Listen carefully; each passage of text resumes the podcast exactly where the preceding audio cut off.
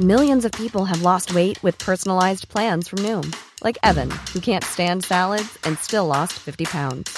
Salads, generally, for most people, are the easy button, right? For me, that wasn't an option.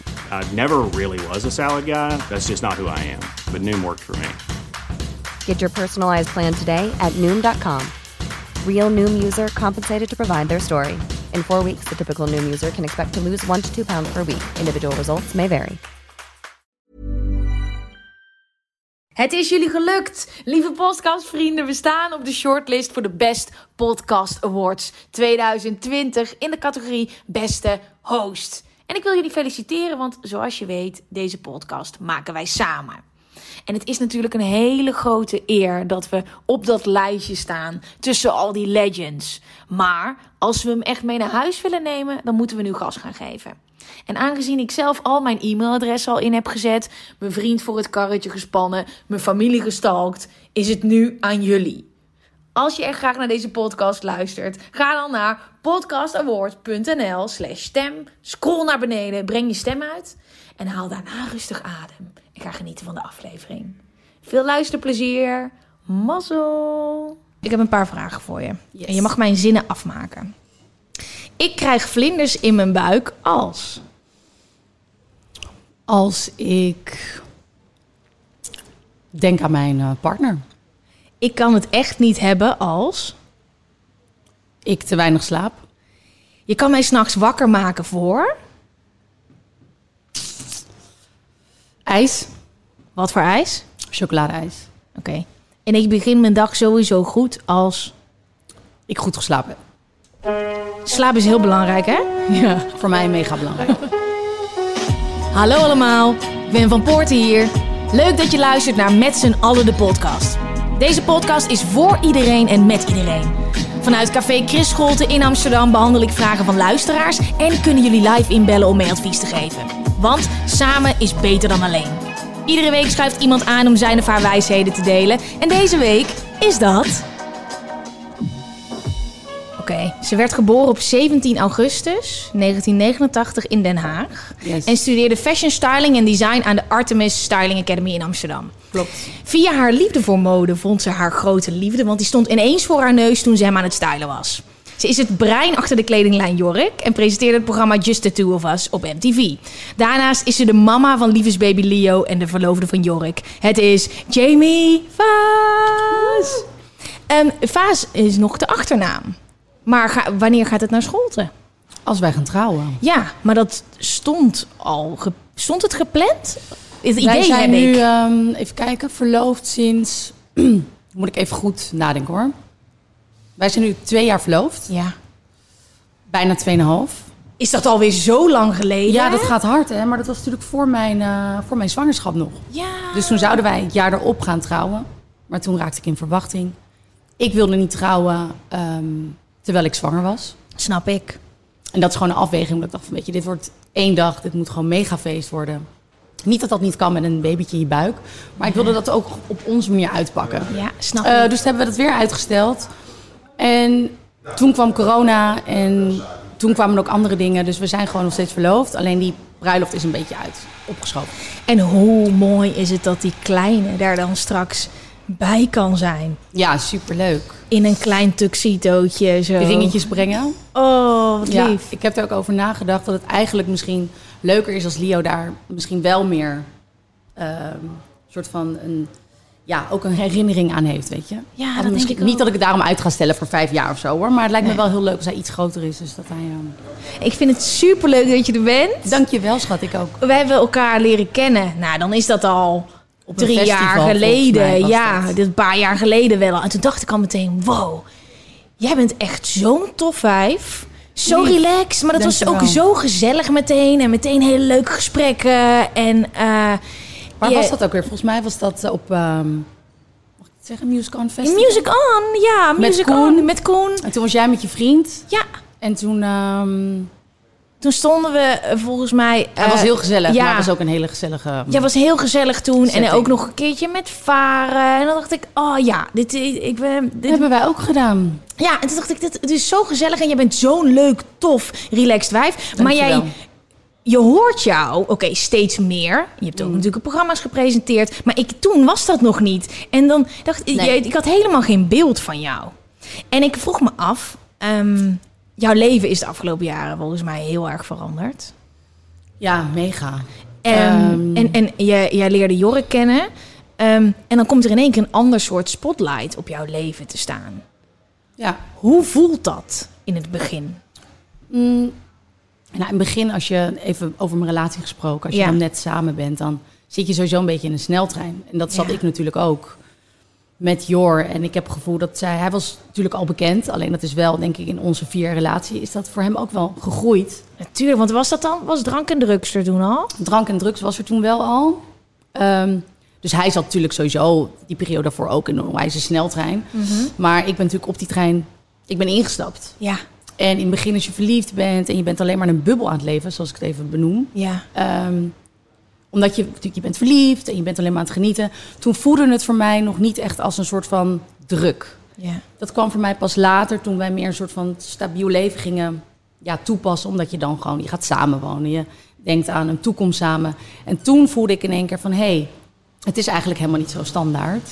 Nee. Er zit ook een, en niet per se altijd negatief, maar ehm, ook niet per se altijd even leuk, weet je. Dus dat heeft echt wel twee kanten.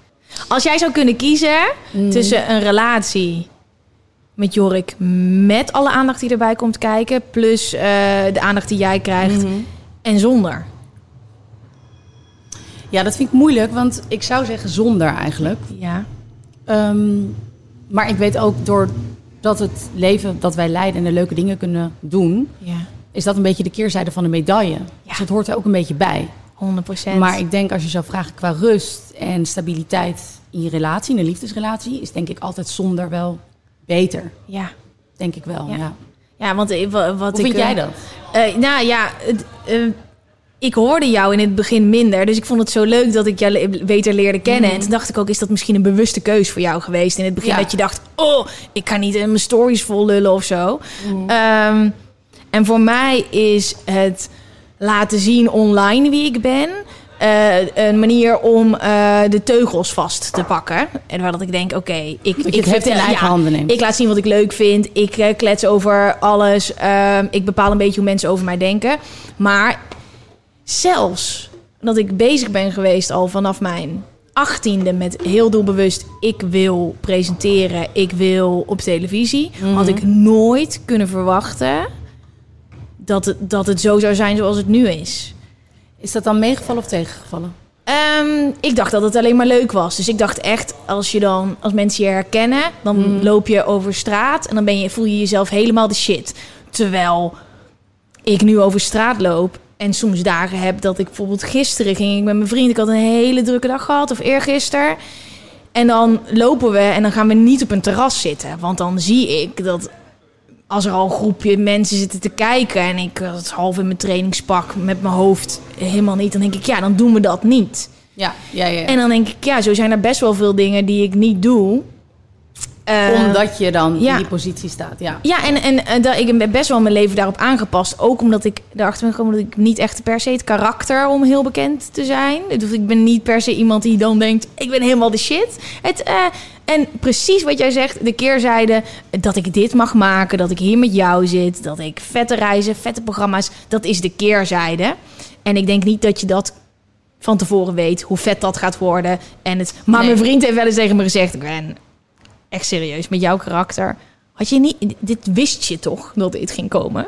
Vroeger kwam ik hier in zo'n kroeg binnen, ging ik meteen op de bar staan, dacht ik meteen, woe. Maar dat straal jij wel nog steeds uit. Kijk, je bent Ja. aan de ene kant vind ik jou heel nuchter, Ja, maar ook wel heel vrij en open. Waardoor denk ik ook.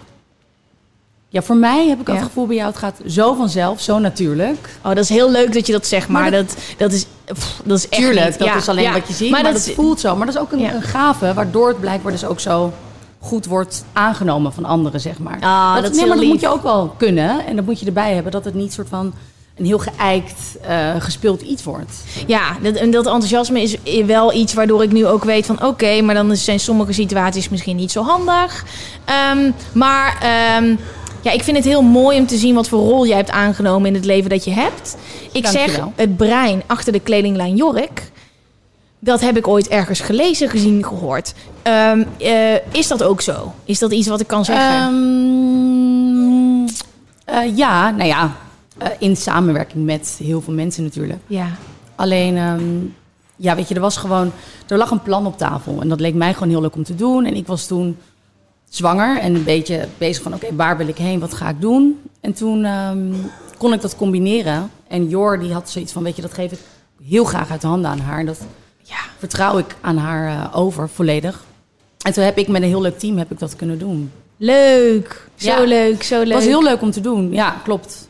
Een heel leuk creatief proces. En uiteindelijk hebben we een hele leuke modeshow ehm, gegeven met ehm, ja, vrienden, familie. En dat werd onwijs leuk opgepakt. Alleen kleding is natuurlijk wel moeilijk. Ja, je, er is heel veel. ja. En ehm, niet dat ik per se zeg dat we daarom niet meer verder gaan oppakken.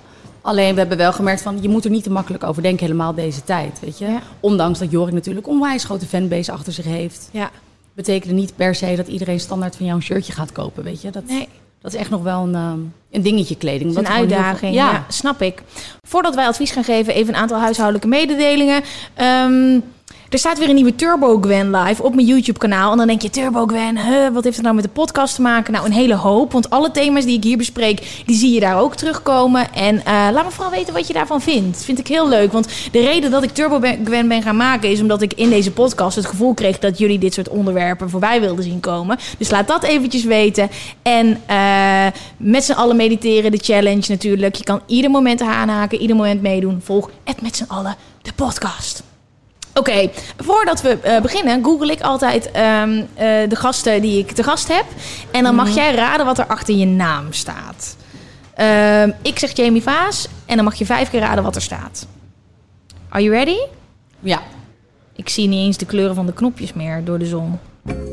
Oké, Jamie Vaas. En dan wat denk je dat mensen waar ze op zoeken? leeftijd. Ja, Jamie Vaas. Leeuw Kleine. Nee, Jamie Vaas. Oeh, ehm, eh, oké, lastig. Jorik. Nee. Nee, Jamie Vaas. Eh, Jamie Vaas. ehm, shit, het is lastig. Lastiger dan ik dacht. Ehm, eh, voor en na. Ja. A lot can happen in three years, like a chatbot may be your new best friend. But what won't change? Needing health insurance. United Healthcare Tri Term Medical Plans, underwritten by Golden Rule Insurance Company, offer flexible, budget friendly coverage that lasts nearly three years in some states. Learn more at uh1.com. Quality sleep is essential. That's why the Sleep Number Smart Bed is designed for your ever evolving sleep needs. Need a bed that's firmer or softer on either side? Helps you sleep at a comfortable temperature? Sleep Number Smart Beds let you individualize your comfort so you sleep better together. JD Power ranks Sleep Number number 1 in customer satisfaction with mattresses purchased in-store. And now, save 50% on the Sleep Number limited edition Smart Bed for a limited time. For JD Power 2023 award information, visit jdpower.com/awards. Only at a Sleep Number store or sleepnumber.com. Ehm, Dat, dat waren ze. Eh, oh, ik, eh, ja, oh, ja, je- je hebt er- raden. ja. Ja. Jamie Vaas, leeftijd 31 jaar, Insta, lengte, before, Wesley Snijder, afkomst, ouders, moeder, Ibiza, Wikipedia. Ehm, before. ja. Eh, Je zegt voor en na. Je, Ja. Dat is een term die dat wordt op jou veel erg gezocht. Nou ja, kijk, ehm, het internet is natuurlijk een zoekmachine waarin blijkbaar de interesses, inderdaad, wat dat Mhm. laat zien. En ik heb natuurlijk ook wel eens zelf dat ingevuld of weet je, Ja. eh, met vrienden of besproken. En mensen zijn daar heel geïnteresseerd in, blijkbaar. Dat het, ehm, Ja, en, en praat je daar makkelijk over? ja, ehm, ja, Want mensen hebben het hier over dat jij wel eens een ingreep hebt gehad. ja, cosmetisch. Ja, eh, wat Maar je daar doet. maak jij ook helemaal geen geheim van. Nee, ja, het zou raar zijn als ik dat zou doen. Het zou heel dubbel zijn, weet je. Ik bedoel, het maakt het misschien af en toe minder leuk om over te praten... omdat het negatief wordt gedraaid. Maar als mensen aan mij vragen van... joh, eh, cosmetische ingrepen of weet je, heb je wat aan jezelf gedaan... zou ik er altijd eerlijk over zijn, altijd. En wat, eh, welke negatieve draai wordt er dan aan gegeven? Nou ja, mensen vinden het toch een soort van taboe... Of ehm, heel interessant om te zien dat je wat aan jezelf hebt laten doen of dat je dat nog steeds doet. Ja. En dat is misschien Nederlands of misschien is dat Europees. Kijk, in Amerika wordt er anders naar gekeken, denk ik. Ja. En ehm, een beetje zeiken om het zeiken. Weet je, mensen, dat weet jij ook. Als ze toch iets negatiefs kunnen pakken, dan pakken ze dat, dan vergroten ze dat uit. Ja. En met zo'n onderwerp als dit is het natuurlijk heel smeuig om dat eventjes uit te vergroten. En wat kunnen we allemaal over zeggen en hoe kunnen we het negatief draaien? Ja. Niet iedereen, hè, maar dat gebeurt. Dat weet jij ook, denk ik. Ja, absoluut, absoluut. Ehm, ehm, is het iets wat jou persoonlijk raakt? Is het iets waarvan je wel eens dacht, oh, of een beetje van wakker hebt gelegen? Ehm, niet per se rondom dit onderwerp, maar wel over de negativiteit. Ja.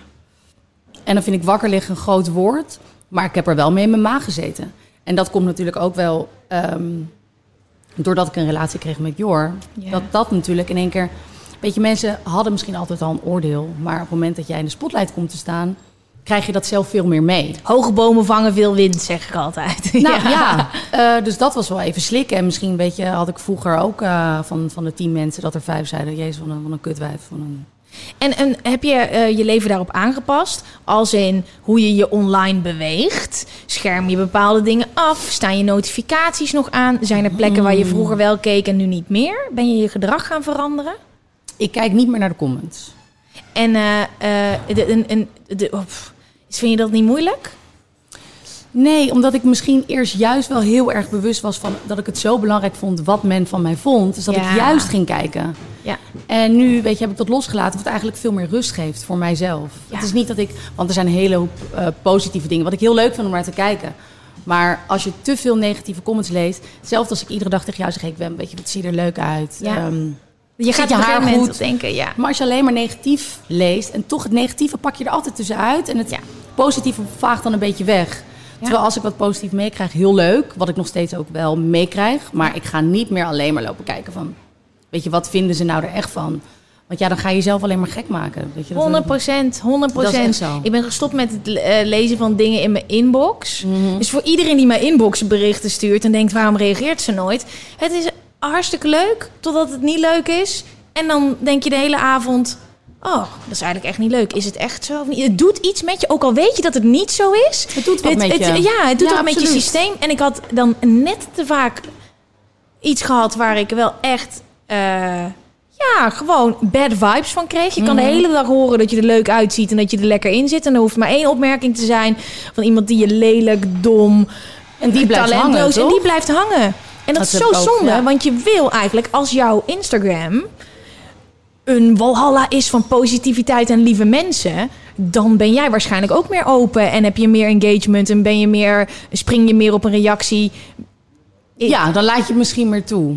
Maar ik denk toch ook met, weet je, met Instagram... dat, dat, dat moet wel een beetje in je zitten of zo. Ik Ja. vind Instagram leuk en Ja. ik vind het een heel leuk platform. En ik kijk en Ja, eh, de mensen die ik volg en wat ik laat zien vind ik ook leuk. ja, Alleen, ehm, ik heb nooit de behoefte gehad om dat meer open te gooien dan dat ik nu doe eigenlijk. ja. En als mijn dag wel zo start en dat ik bijvoorbeeld wel ehm, wat meer post... dan is het gewoon puur omdat ik het zo voel. ja, En het kan ook zo zijn dat ik een week dat helemaal niet voel en dan doe ik het dus niet. Ja, nice. Maar dat komt gewoon echt, dat komt echt vanuit mijn... Ik denk ook Ja. dat er een hele mooie weg is in balans vinden. Ja, absoluut. Toevallig heb ik daar een aflevering van TurboGen over opgenomen. Over, oké, weet je, je telefoon eh, die staat nog niet live.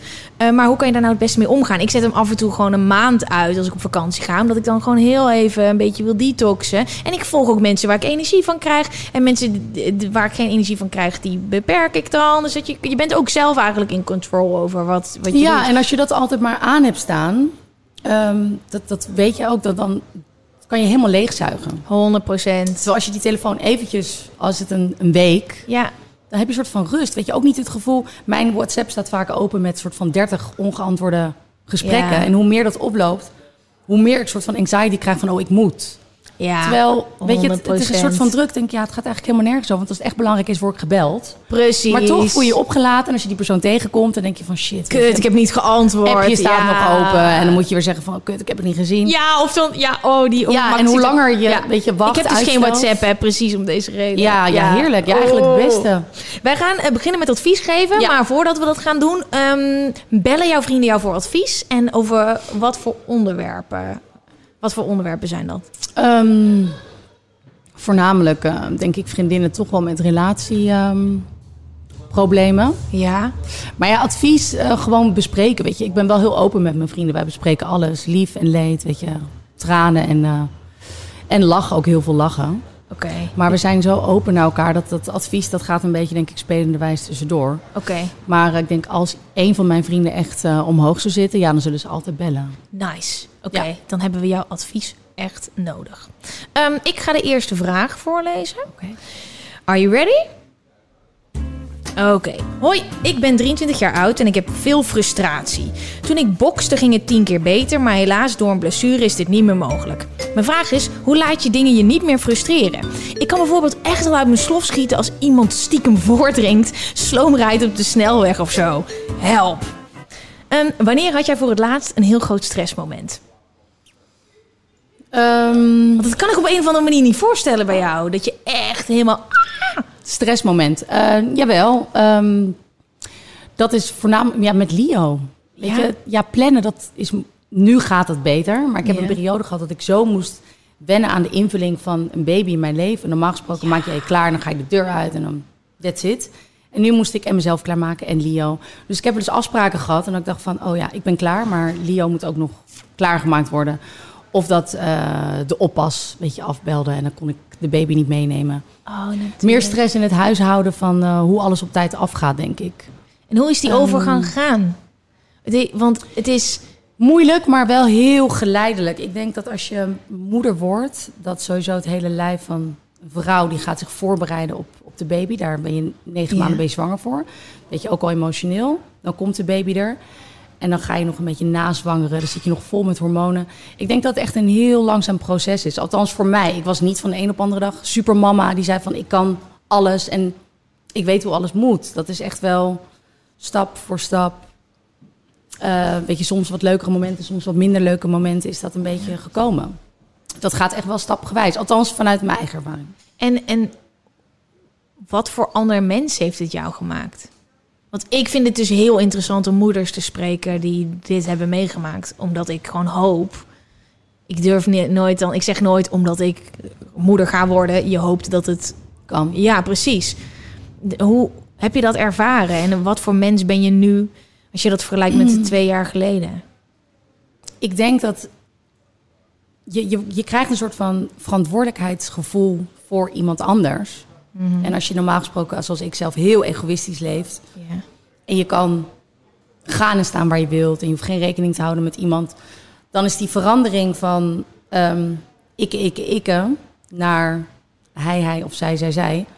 Dat is een onwijs grote verandering voor mij. Dus het draait niet meer om mij. ja. Kijk, ik, als wij zo meteen klaar zijn, moet ik naar huis. Ook al wil ik liever wel eh, misschien... eh, Een drankje doen. Of Drankje iets, doen, Of, of- een massage. weet je, je hebt eh, en dat gaat door. Dat is 24-7 heb je dat. Weet je, of dat nou... En heb je, had je dit kunnen inschatten vooraf? Want ik heb dus wel eens dat ik dan eh, bijvoorbeeld gisteren mijn dag, weet je wel, alles loopt in het honderd en eh, dingen moeten gefixt worden. En dan zit ik om negen uur s'avonds op de bank zonder dat ik vanaf zeven uur s ochtends ook maar één moment de tijd voor mezelf heb gehad. En dan denk ik, wat zei ik nou? Want ooit wil ik moeder worden. En dan denk ik, oh mijn god, gaat dat wel passen dan? Ja, ik, weet je, als je zo gaat nadenken, denk ik dat je altijd wel een, ja, een reden gaat vinden waarom het niet past. Ja, Want als de baby komt, moet dan, dan moet het. Weet je, dan ga je daar omheen werken. Dan ga je anders ehm, dingen plannen. En als je het niet anders plant, dan zorg je er wel voor dat het wel past, zeg maar. En Dat hou je de- heel, hoe hou je je, je hoofd dan koel? Want het zijn wel in één keer een hele hoop extra verantwoordelijkheden. Heel veel, ja, dat, dat, is, ehm, dat gaat ook echt zo. De ene dag, weet je, gaat het heel goed. En de andere dag denk ik ook van shit, Jane, weet je, waarom heb ik dit niet even beter ingepland? Of dat hou je denk ik altijd wel. Weet je, soms gaat het gewoon wat makkelijker. En de ene dag denk ik van nou, even niet, weet je. Dan het liefst eh, bel ik mijn moeder op, zeg ik, mam, neem Leo eventjes. En dan Ja. eh, ga ik wel eh, even lekker op de bank zitten een uur. Ja, ik vind dat heel interessant. Want het baby is onomkeerbaar. En ik heb Ja, denk dan vooraf van... yo, zo ik wil alles weten, hoe het gaat, of het dan lukt. Het liefst dan een planning klaar hebben, maar dat kan natuurlijk helemaal niet. Nee. Maar je moet wel een keuze maken of je moeder wil worden... terwijl je geen idee hebt wat het inhoudt om moeder te worden. Nee, en dan kan je nagaan dat ons onze natuur zo erg ingesteld is dat wat voor vraag je ook hebt of wat voor twijfels, dat je zo'n soort van je instinct is gewoon je wilt een babytje. Niet voor iedereen, dat is ook oké. Ja. Maar als je dat voelt, dat is gewoon moeder natuur. Ja, Want anders weet je, zouden we allemaal met ratio denken. En dan zou misschien zou Ja. er minder babytjes komen. Wat misschien anno 2020 wel gebeurt. Ja. Maar ik denk nog steeds gewoon ons instinct. Weet je, wilt je voortplanten. Dat welke vraag je ook hebt. En op het moment weet je dat, dat de baby er is. Dat klinkt heel cliché, maar dan is alles wel een soort van... Oh, ik heb zo'n babymeter in mijn hoofd zitten. En iedere keer als ik iemand spreek, bijvoorbeeld Tess Milne ook, een vriendin van mij, als ik jou zo hoor, en dan zo iedere keer dat er zo een paar procent bij komt, dat ik denk, oh ja, dat ik steeds meer en ook Van wel, het kan wel. ja, of ik voel het wel, of oh ja, Hoe ja, oud ben je nu? 30. Dus het, nou ja, ik... ik Hoeft nog niet, maar het kan maar het, wel. het kan, maar Ja. ook weer niet of zo. Want het, van de ene kant zie ik dat ook nog helemaal niet. Eh, maar het is wel een, het is een proces. En ik merk iedere keer als ik zo mensen, vaders, moeders, jonge vaders en moeders spreken, dan denk ik, ah, interessant. En waar hadden wij het in godsnaam over? Over Ehm, stressen? Ja, iemand die En stresst. frustratie. Ja, ehm, Ehm, ik denk dat we het beste gewoon eventjes advies kunnen gaan geven. Ja. En ik zal het eventjes voordoen. Mhm. Oké. ehm, mm, mm, mm, mm, mm. Jij zegt dat je heel erg vaak aan het stressen bent eh, op allerlei momenten en dat je dat onder controle wil hebben. Wat ik aan mezelf merk, ik geef eventjes gewoon een voorbeeld. Als ik op de scooter zit en ik ben super agressief de mensen om me heen, dat gebeurt wel. Dat ik dan 's ochtends naar de sportschool ga en dat ik dan iedereen om me heen is slecht, vervelend, irritant. Vroeger dacht ik, dat zijn echt die mensen. Maar ik weet nu dat ik dat ben. Dus dat als ik zo reageer naar andere mensen, dat het vaak in mij zit. Ja, en je projecteert het op iemand anders. Ja. ja. Dus vroeger dacht ik, wat moet die persoon? En nu denk ik, oh, dat is interessant. Ik irriteer me aan diegene. Maar wat, waarom ben ik zo opgefokt? En dat heeft mij heel erg geholpen. Want ik ben ook wel heel ongeduldig. Ik kan ook wel gefrustreerd raken. Maar het ligt vaak wel dieper. Dus ik kan je heel erg aanraden om eventjes een stapje terug te nemen. En Naar jezelf. ja, en misschien eventjes te kijken... Hoe komt het dat ik altijd zo hoog in mijn energie zit? Ben ik altijd eigenlijk te laat? Eh, ben ik niet tevreden met iets? Irriteer ik me in, aan iemand anders die mensen afsnijdt... omdat ik zelf eigenlijk ook vaak dat gedrag heb of zo? Weet je, de, check eventjes... eh, ga eventjes ehm, bij jezelf kijken waar het vandaan komt. Ik hoop dat dit ergens op slaat. Ja, jij vind nog ik een tip? Vind ik goed advies. En ehm, Heel blij muziekje. Ja, ja, ik zit even...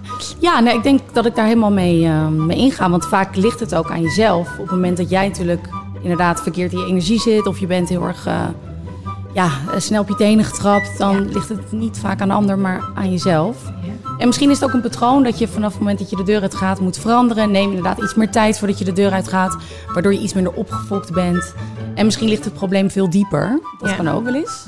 Dat je met iets anders zit. Maar ehm, ik denk om een beetje peace of mind te creëren, is vooral een beetje meer ruimte te geven, denk ik, voor jezelf. Ja. In je, in je invulling. Nice! Ik hoop dat je hier wat aan hebt, want ik herken het wel heel erg. Ik ben nu bijna nooit meer heel agressief in de auto. En als ik wel iemand uitscheld, dan denk ik, wat is er met me aan de hand? Heb je dat, dat je mensen echt uitscheldt? Zo, maar niet in het gezicht. Nou, ik heb wel eens dat ik... eh, ik heb wel eens gehad dat iemand me... Oh, dat zou, dat zou niemand achter mij denken, denk ik. Maar dat iemand me bijvoorbeeld niet ertussen liet. Gewoon op een landweggetje. Die liet me er niet in ritsen. Zo'n hele boze vrouw dat ik dan gewoon echt de deur open doe... en dan op de weg ga staan van, wat de fuck, fuck? is jouw probleem? En vroeger dacht ik, nou, de hele wereld is tegen me. En nu denk ik, oh, dat was misschien omdat ik gewoon echt een kutdag had. Dat ik me daaraan ga irriteren. Terwijl ja, maar dat is ook eigenlijk helemaal niet zo gek.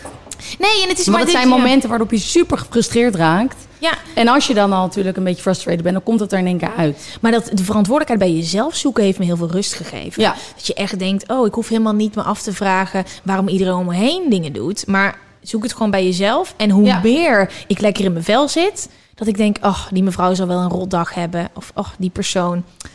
Ik heb een lekker leven. Laat me, ik bemoei me niet met jullie. Ja, heel, heel knap. Maar misschien ook Ja. nog mediteren, wat jij heel veel doet. Dat, dat. Als ik veel mediteer, dan is het verschil tussen... ik krijg een telefoontje waarin iemand onredelijk is... en iemand vol erbovenop springen... of gewoon even nadenken en denken... huh, hoe ga ik hiermee dealen? Ja, inderdaad, met z'n allen mediteren. Nee, ja, een ehm, Mediteer jij? ehm, nee. Nou, ik wil niet zeggen nooit. Wel gedaan. Ja. Veel te weinig. Ben je Ehm, spiritueel? Ja, jawel. In wat voor opzicht? Ehm, dat ik het echt uitoefen op die manier niet, maar ik sta daar heel erg open voor. Ik Ja. vind het heel interessant. Ik, ehm, Want ik zie je af en toe wel teksten delen dat ik denk, ja, nice. ja, weet je, ik, ik geloof wel heel erg in de, in de, in de kracht van, van je eigen geest. En ik eh, geloof ook heel erg in energieën. En ik geloof ook, weet je, wie goed doet, goed ontmoet. En dat als jij positief in het leven staat, dat je ook positiviteit aantrekt. Ja, 100%. Ehm, en dat is, weet je, hier in het stadsleven is dat niet altijd even makkelijk. Nee. Maar ik merk als ik bijvoorbeeld eh, op Bali ben, een paar maanden, ja. weet je, dat de geest gewoon zoveel rustiger is. En dat je ook anders tegen dingen aan gaat kijken. Maar hier word je meer geleefd. Weet je, je wordt wakker, je staat op, je doet je riedeltje. ja. Eh, dus om, denk ik, je spirituele kant hier de vrije loop te geven, is beperkter Ja. dan op dat soort plekken. Ja. En dat merk ik heel erg en dat voel ik dan ook aan mezelf. Dan ga ik ook, weet je, wil ik mediteren oppakken. Ehm, weet je, dan ga je ook beter voor je lichaam en voor je geest zorgen. Dat Ja. heb ik gewoon in de stad, weet je, veel minder. Weet je, hier is het makkelijker, een sigaretje, ehm, een drankje, Ja. laat slapen, dan wel de volgende dag weer vermoeid zijn. Waardoor je al voelt dat je een beetje geblokkeerd bent. Althans, dat heb, dat heb Ja. ik heel erg. Terwijl als ik goed voor, me, voor mijn lichaam zorg en voor mijn geest... dan ben ik veel meer een soort van eh, ja, zen, gewoon geaard. Ja, ik snap helemaal wat je bedoelt. Helemaal daar. Dus echt discipline, omdat eh, hier... het- Ja, is anders dan dat je... Ja, dat is, ik zeg niet dat het altijd lukt hoor. Maar ik had wel die vibes al van je. En ik wil wat ik voorbij zie komen. We gaan door naar de volgende vraag. Hey Gwen, met een Q. Vet. Gwen. ik heb eindelijk de moed gevonden om mijn vragen in te sturen. Het probleem zit als volgt in elkaar.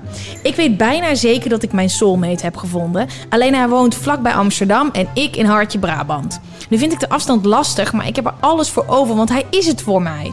Maar hoe ga ik om met alle mensen die een mening hebben over de afstand en mijn bijna relatie met hem? Hoe kan ik die negativiteit uitschakelen en mijn eigen weg volgen? Dankjewel Gwen en gast. I love you guys. Wauw, dit is vet lief. Ja, heel lief. Ehm, jij hebt een erva- ervaring met mensen die mening hebben over jouw relatie. Ja, Die is er. Ja. absoluut. Wat is het meest belachelijke wat je ooit hebt gehoord? De gekste roddel. Niet echt een roddel.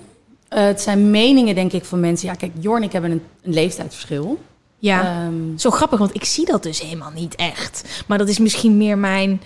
nou ja, en jij staat natuurlijk dichter bij ons. Ik bedoel, je Ja. kent Jorn. Ja. Ehm, Ja, ik, ik zie niet...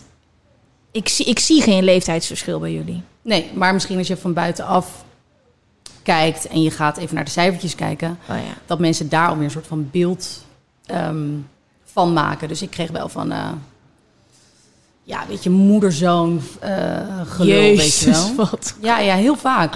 En zijn dat dan ook niet gewoon hele jonge mensen? Jonge mensen, maar ook oudere mensen dan ikzelf, weet je wel. Ja, überhaupt waar mensen zich druk om maken of bezig mee zijn, dat is echt bizar. Ja, en... eh, Want dat is heel raar, want als jij als vrouw zijnde ouder bent dan je partner, ja. is dat een soort van een dingetje wat bespreekbaar is. Terwijl als Jorik vijf jaar ouder als ik zou zijn, Dan is dat niks. dan is dat niks en dan wordt er niet over gesproken. Maar als vrouw zijnde is dat toch een dingetje. Dat is heel gek. En misschien ook niet omdat het minder vaak voorkomt, maar waarom zou het eigenlijk gek zijn? Weet je, het is eigenlijk toch?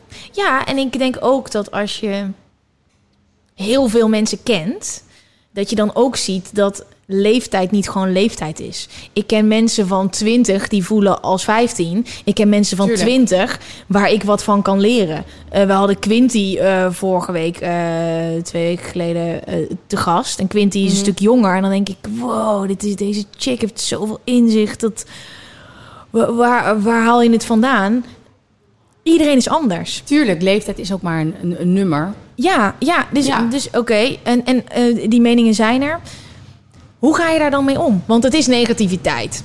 Ja, en dat weet je, dan komen we weer terug op het feit dat ik die comments niet meer lees. Oké, Want dit ja. zijn dan van dat soort dingetjes, weet Ja. je. Ik neem dat ook niet serieus, alleen omdat het wel vaker wordt benoemd, Ja. merk je dus wel dat mensen daar dat dat wel een ding is waar mensen dus over nadenken of waar ze mee, nou, ik weet niet of ze ermee zitten, maar Ja. dat dat opvalt bij mensen en dat ze dus ook ehm, de behoefte hebben om daar iets van te zeggen.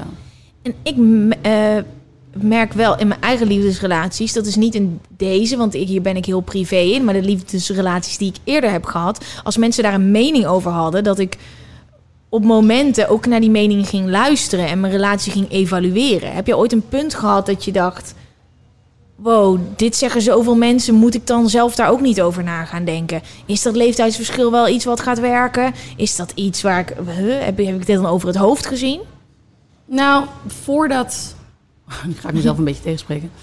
Voordat ehm, ik doorhad wat anderen vonden van mijn leeftijdsverschil, Ja. heb ik wel eens nagedacht van. Gaat het werken met een jongere man? En ehm, dat is meer omdat ik dan mezelf ging vergelijken toen ik 25 was. Want dat is Ja. een leeftijd waarin je in de bloei van je leven staat. Ja. Ehm, dan ga je wel eens denken van, weet je, wilt iemand zich op dit moment eh, volledig binden, zoals ik dat misschien wil als vrouw ehm, met vijf jaar leeftijdsverschil. Ja. Eh, terwijl het hoeft helemaal niet uit te maken, hè, maar dat is ook Ja. wel eens bij mij door mijn hoofd heen gegaan. Van, ehm, gaat dat opbreken of niet? En wat was het p- punt waarvan je dacht: hey, is er een punt geweest? Zeg, nou, dit, maar, maar wij zijn aan elkaar gewaagd. Dit, dit- hij staat er hartstikke volwassen in. Wij gaan hier gewoon voor. Is dat één punt geweest? Nee, niet een punt, maar dat was wel een periode waarin, ik, Ja. waarin hij waarschijnlijk zoiets had van, oké, ik ga bewijzen aan James van, ik wil dit echt heel graag. Ja. Ehm, waardoor mijn vraagtekentjes een beetje ehm, Weggingen. weg, eh, weggingen. Ja. Ja, ze heeft het hier over. ehm, hoe kan ik die negativiteit uit, uitschakelen en mijn eigen weg volgen? Hij woont in Amsterdam, zij woont in Brabant. Eh, sowieso, hè, ons land is zo klein. Het Ja. maakt geen ruk uit waar je woont. Dat je liefde vindt, vind ik al heel nice. Ehm, ik heb... Heb ik een lange afstandsrelatie gehad? Nee, nooit. Ehm, ik geloof dat liefde alles overwint. Dus dat is sowieso eh, eh, nummer Klopt. één. Klopt. Ehm, maar hoe kan ik die negativiteit uitschakelen en mijn eigen weg volgen? Het lijkt me best moeilijk als je in haar schoenen staat en iedereen om je heen heeft een mening. En iedereen zegt dat die afstand niet gaat werken. Ehm, hoe, hoe ga ik om met alle mensen die een mening hebben over de afstand en mijn bijna relatie met hem? Eh, het eerste wat ik dan denk is: als jij zo zeker bent van je eigen zaak, ga je er dan aan twijfelen? Of is dat dom wat ik zeg? Nou, kijk, normaal het gemak misschien van in dezelfde stad wonen en van zeggen van, nou, ik ga, ik pak mijn fiets of ik pak de auto en ik ga er even naartoe. Ja, Het ongeplande, dat is ongetwijfeld wel makkelijker. ja. Alleen, ik denk dat afstand, helemaal inderdaad in Nederland, hoeft helemaal niet uit te maken. Je doet iets meer moeite voor elkaar, maar dat is juist ook heel mooi, denk ik. Ja. Dat je die moeite kan doen. En als je op een gegeven moment merkt, ik weet even niet hoe, oud. Ja, dat, u nee, weet ik niet. Laten we dat even midden. Ja. En als je op een gegeven moment merkt van, weet je, wij passen zo goed bij elkaar en ik wil jou sneller kunnen zien dan dat ik de auto moet pakken of de trein of wat dan ook. Ja. Dan kan je altijd in de toekomst gaan kijken van, hey, kunnen we dat dichter bij elkaar brengen? Doe ik een concessie voor jou? Of weet je, gaan we samen ergens naartoe? Ja. Dat kan allemaal. Laten we gewoon advies gaan geven. Ja. Dit gaan we doen. Ehm, zal ik eerst gewoon even kort? Oké, als jij weet waarom je met hem wil zijn en je hebt het voor je hoofd op een rijtje, dan is er niemand die daar wat, wat van moet of mag zeggen. Ja. Natuurlijk, dat gaat wel gebeuren, maar als jij van binnen weet dat het werkt, dan is er niemand die bij jullie in de slaapkamer kan kijken in jullie relatie. Anderen die een mening hebben over je relatie. Dat is oppervlakkig. En mensen zeggen ook echt vaak gewoon dingen om het zeggen. Mensen willen het gewoon over Ja. iets met je hebben. Weet zelf wat je van je relatie vindt en blijf daar trouw aan. Dat is mijn advies. Heb jij nog Eens. iets? Nee, eens. Dit kan het ook gewoon zijn, hoor. ehm, zeggen voor het zeggen. Hoppatee. Absoluut. De, ja, precies. Dus je weet gewoon hoe het is. Ook, het maakt niet uit wat. Ook als je je haar hebt gedaan of wat dan ook. Mensen willen gewoon iets zeggen. Je hebt een nieuwe relatie. Oh, oh is dat niet heel ver weg, Amsterdam? Weet je, mensen willen gewoon wat, wat, wat te zeggen hebben. Ja, het negatieve wordt vaak meer uitvergroot dan het positieve ervan. Ja. Dat is echt zo, ja. Door naar de volgende. Hey Gwen, ik merk bij mezelf dat ik in het dagelijks leven best snel jaloers ben op bijvoorbeeld vrienden die een keer afspreken zonder mij. Of dat ik het gevoel heb dat ik minder hecht ben met mijn vrienden dan zij met elkaar. Ik wil niet zo denken, maar toch gebeurt het vaak. Hebben jij en je gast tips?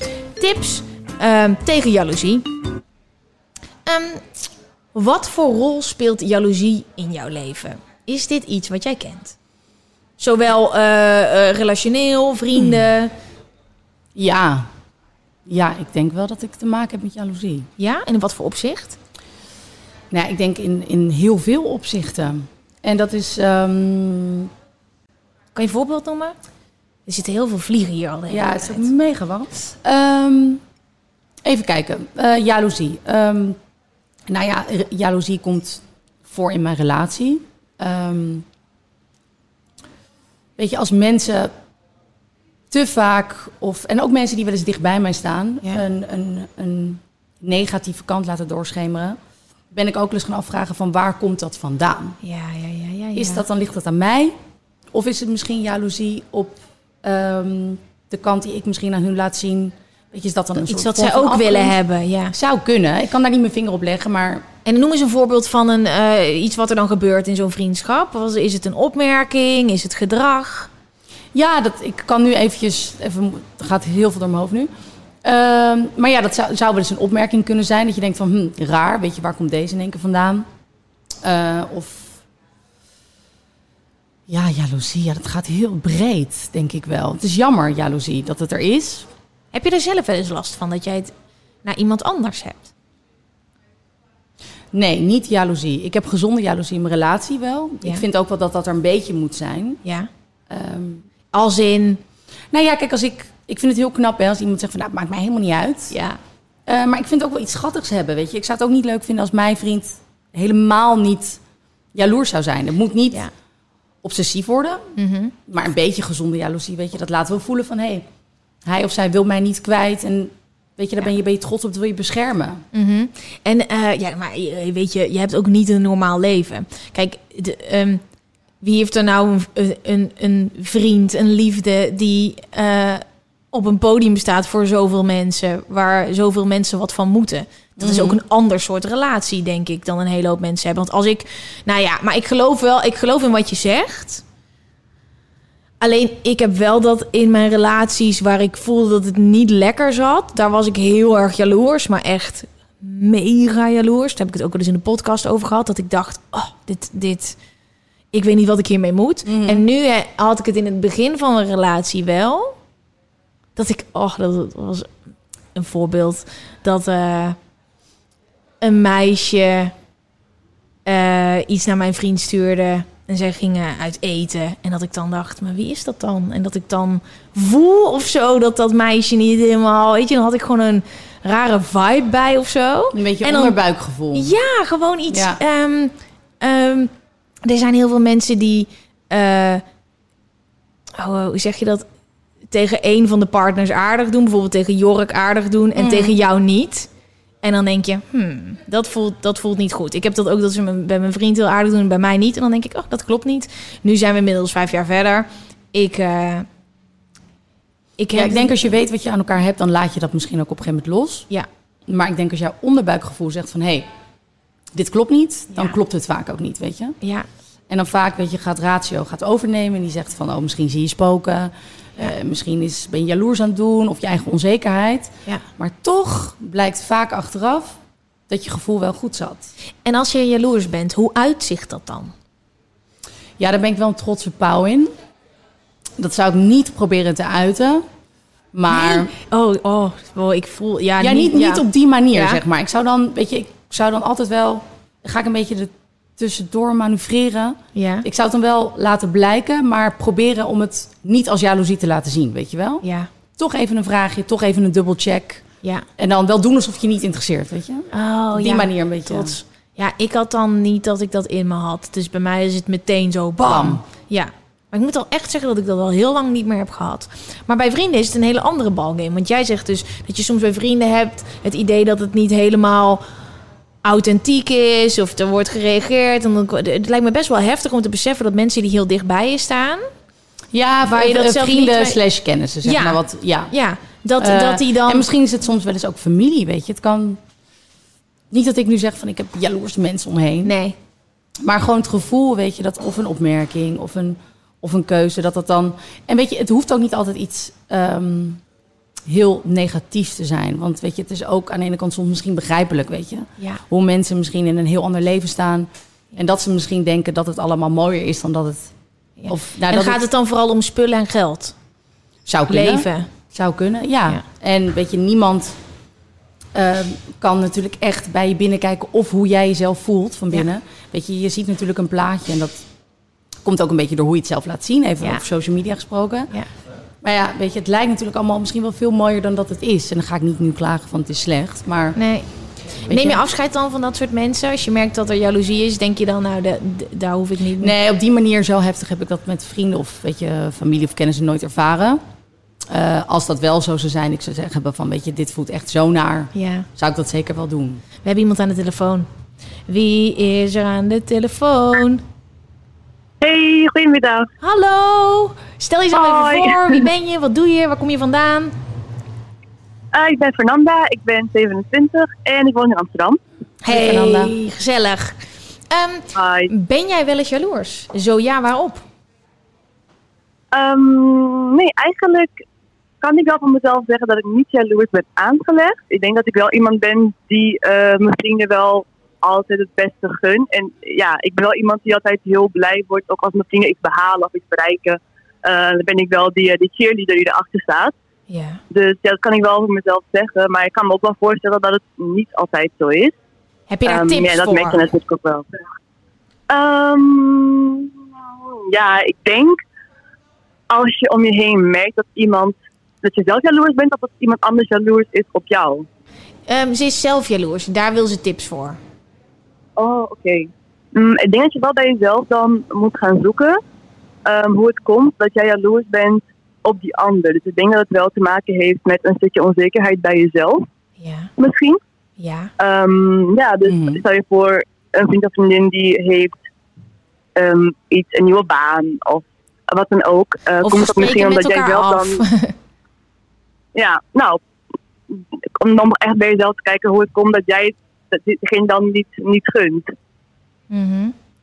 Oké, dus je Dat moet even bij dan. jezelf kijken. Ja. Precies die spiegel waar we het net over hadden. Ja, Hoe ja. voelt het?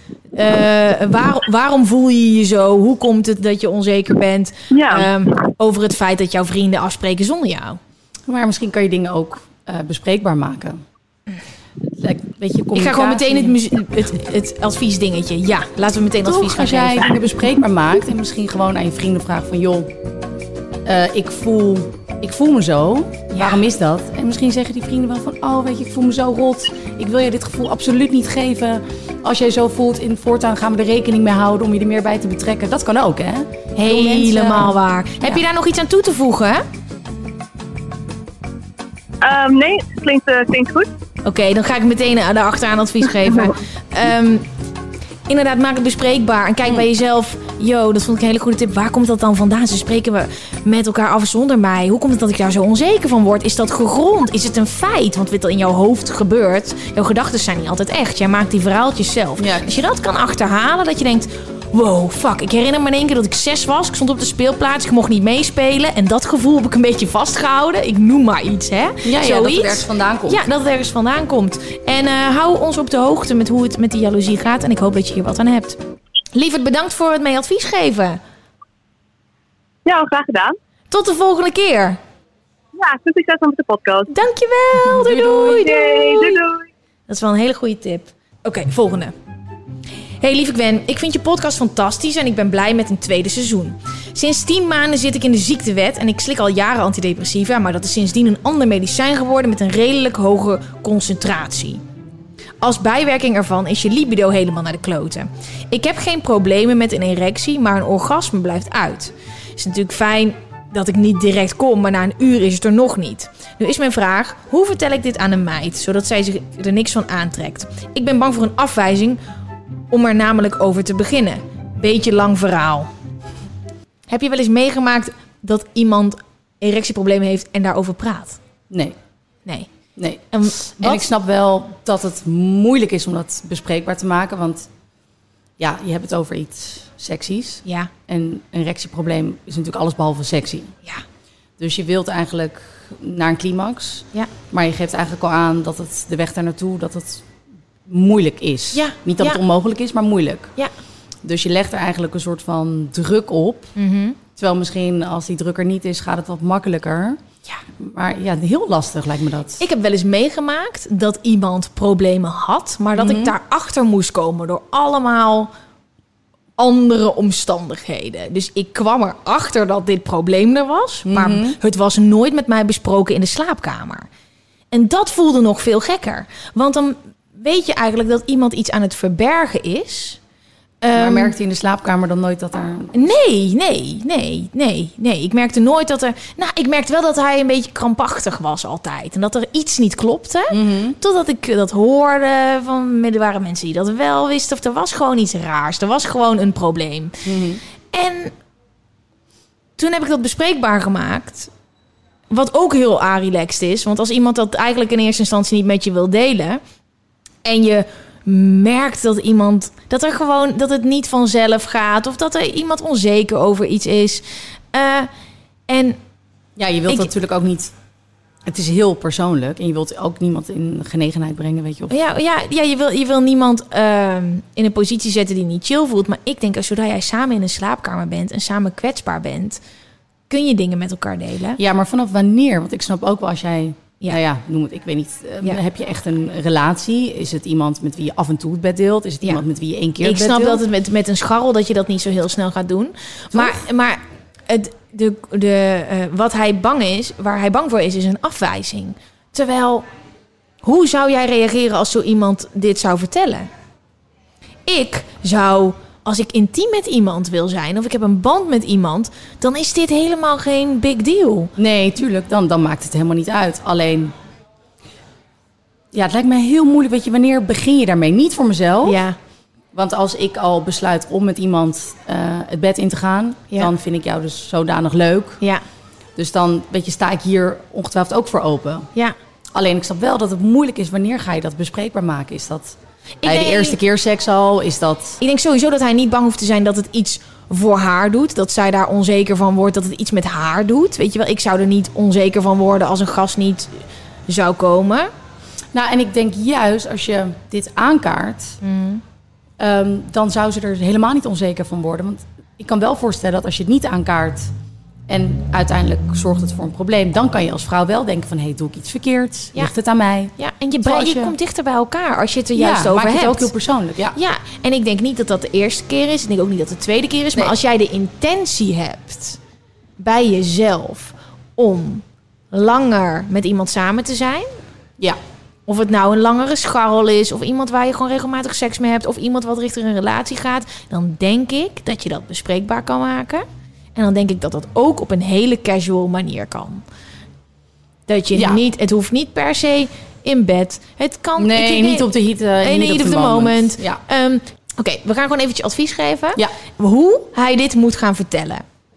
Zal ik dat als eerste doen? Want Ik heb Dan daar mag, beetje ik, ben, eh, ik ben heel benieuwd naar jouw tip. Oké. Ehm, je hebt misschien wel... Oh god, ik ga me even in de man verplaatsen. Je hebt misschien wel door dat ehm, het voor mij best wel lang duurt voordat ik kom. En soms kom ik helemaal niet. En ik wil niet dat jij het gevoel hebt dat het aan jou ligt. Want dat is helemaal niet het geval. Ehm, ik heb namelijk medicijnen. En dat heb ik al best wel een tijdje. En we zijn net eh, geswitcht. Ehm, dan kan je vertellen over... Dat je, ik heb wel eens last van depressieve gevoelens en daar slik ik medicijnen voor. En dat heb ik eh, wel onder controle, of juist niet. En de bijkomstigheid daarvan is dat ik dus heel lang seks kan hebben en soms niet kom. Ehm, vind ik helemaal niet erg, want ik vind het nog steeds heel leuk om seks met je te hebben. Maar ik wil toch even vertellen, zodat je niet aan jezelf gaat twijfelen. Vind ik heel mooi gezegd. Ja? Sluit ik me helemaal bij aan. Oké, ik hoop dat je hier wat aan hebt. Ik ben natuurlijk geen man. Ik kan me hier niet in vinden. Ik weet wel hoe het is om aan de kant te staan waarvan je denkt: er is iets in de slaapkamer wat ik niet helemaal snap. Er klopt iets niet. We hebben heel lang seks, of hij komt niet, of er is iets in de lucht. Dat voel je. Je intuïtie. Dus beter bespreken. ja, Ja. bes- bespreek het en maak er niet een te, te groot eh, probleem van. Want eh, als die chick relaxed is, heeft ze gewoon begrip. En anders moet ze toch gewoon weg. ja, toch? Ja. Oké, gaan we door naar de volgende vraag. Yes. Hey lieve bekende gast, ik heb een vraag. Ik heb binnen dezelfde tijd twee mannen leren kennen die ik allebei heel leuk vind. En zij mij ook. De ene had ik een date mee voor mijn vakantie, de ander leerde ik kennen op vakantie. Ze zijn allebei geweldig, maar zo verschillend. Ik wil graag kiezen, maar anders want anders voel ik me schuldig. Hebben jullie tips hoe ik dit het beste kan aanpakken? Hoe maak ik de juiste keuze? En wat moet ik dan tegen die ander zeggen? Alvast heel erg bedankt, liefs anoniem. Heb jij ooit tegelijkertijd twee gasten leuk gevonden? ja, is dit een ja? Ehm, ja, maar wel altijd duidelijker de ander leuker. Oké. En hoe Dus vertel je dat dan aan de ene? Ja, nee, het was niet dat ik met twee letterlijk bezig was. Dat ik dacht van, oké, weet je, ik ga kijken wie ik uiteindelijk leuker vind. Maar ik heb wel eens in de positie gezeten dat ik dacht van, hmm, ik vind die leuk, maar ik vind die ook wel leuk. Ja. En ehm, ja, uiteindelijk ging dat bij mij gewoon geleidelijk, want ik trok meer naar de ander toe. Ik hoefde niet daadwerkelijk iets te beëindigen met de ander. Ja. Ehm, maar ja, dat kan wel lastig zijn. En ik denk ten Nou, eerste... helemaal ja, als je met twee echt al daadwerkelijk bezig bent. Ja, dat snap ik. Dat snap ik. Ik heb nooit op dat punt gezeten. Ten eerste, wat lijpt dat je twee gasten leuk vindt. Toch? Trouwens, dat heb ik wel eens gehad. Wacht even, wacht even. Oh, dit heb ik wel eens gehad. Dit heb ik zeker wel gehad. Ja, eh, dat soort dingen verdring je ook een beetje. Ik heb wel eens gehad dat ik een relatie had met iemand die ging uit. Leerde ik iemand anders kennen. Was ik mee aan het scharrelen. Toen kwam die relatie weer goed. En dat moest ik dan aan die ander gaan brengen. En ik kan je wel heel goed zeggen dat ik daar nooit heel goed in heb gehandeld. Nee? Nee, ik kan mentaal gewoon afscheid van iemand nemen zonder dat die persoon dat dan al weet. Dus als ik het niet meer voel, dat kan Mhm. echt over, kon vroeger over één nacht ijs gaan. Gewoon nee. En dan kon ik ook niet meer met diegene afspreken. En die Mhm. voelde dan meteen afstand. En dan wist ik niet hoe ik dat goed kon vertellen op een subtiele Dus dan manier. nam je gewoon je afstand en dan gewoon cold turkey. Ja, en Ciao. dat kan ik niet aanraden. Want als jij die gevoelens niet hebt, heb ik inmiddels geleerd, hè. Wil niet zeggen dat je de ander niet kan kwetsen. Nee, klopt. Ehm, en het was gewoon mijn onvermogen om, eh, om dat op een, op een menselijke manier te zeggen. En daar heb ik nog steeds wel heel veel spijt van. Omdat je kan niet in iemand anders hoofd kijken. En als diegene verliefd is en die denkt dit gaat wat worden. En ik ben zo, joe, de mazzel. Ja, nee, toch maar niet. Eh, ook niet meer mijn telefoon opnemen. Dat is niet chill. Ehm, maar ik denk vooral dat het heel lijp is dat je al twee gasten tegelijk leuk vindt. Zie dat al als een cadeau, toch? Dat je... Sommige mensen worden jaren niet verliefd. Ja, maar verliefd zijn is wat anders. Want ik denk als ze echt verliefd zou zijn, Ja. dan zou ze niet in het dubio zitten tussen die twee. Maar ze kan ook op allebei verliefd zijn. Ja, kan dat?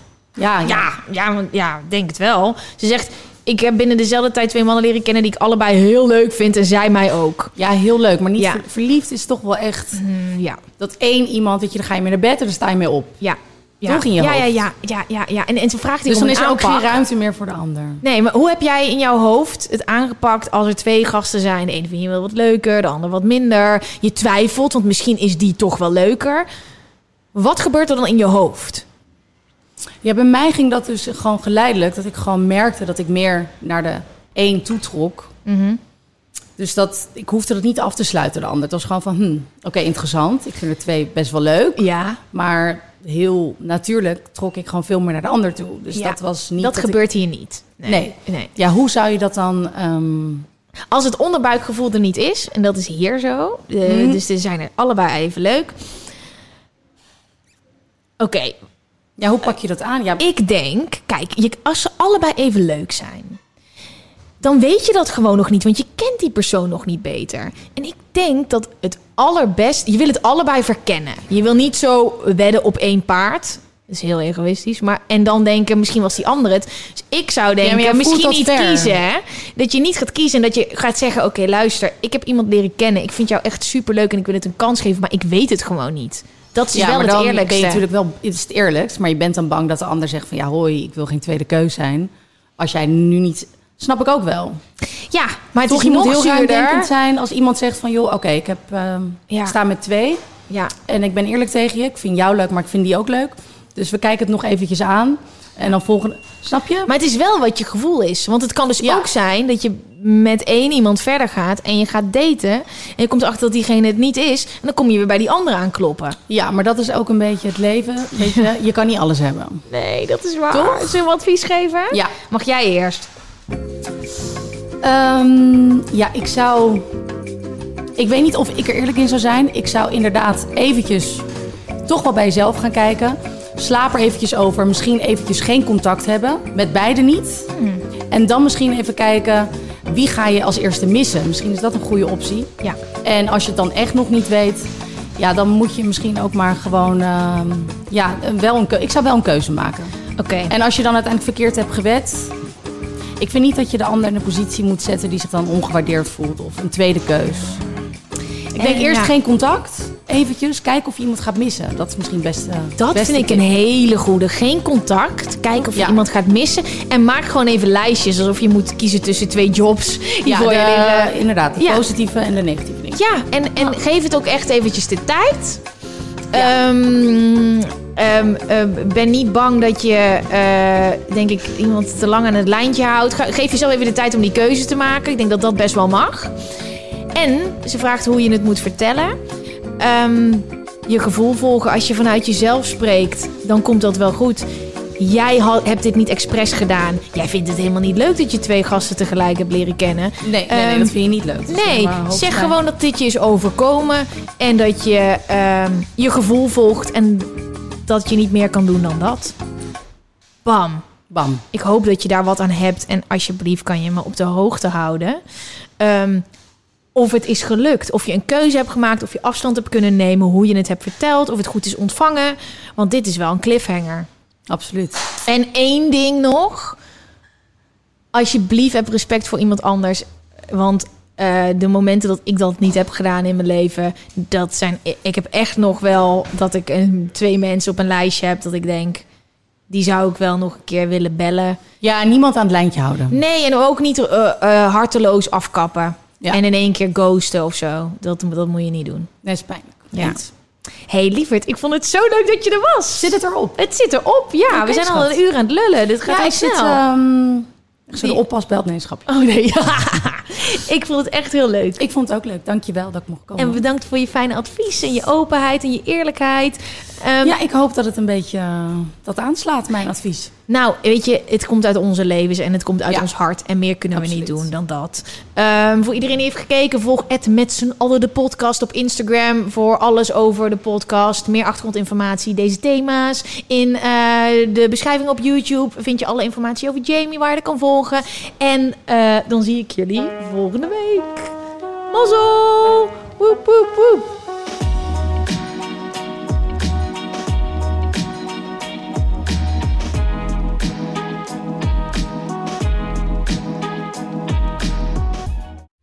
Vind jij dat jouw merk het verdient om in het volgende rijtje Tony Media adverteerders te staan? Bol.com, Google, HelloFresh, Samsung, Coca-Cola, Land Rover? Dat kan, zolang je maar betaalt. Mail naar adverteren@tonymedia.nl. Weet je waar ik zo'n tyfushekel aan heb?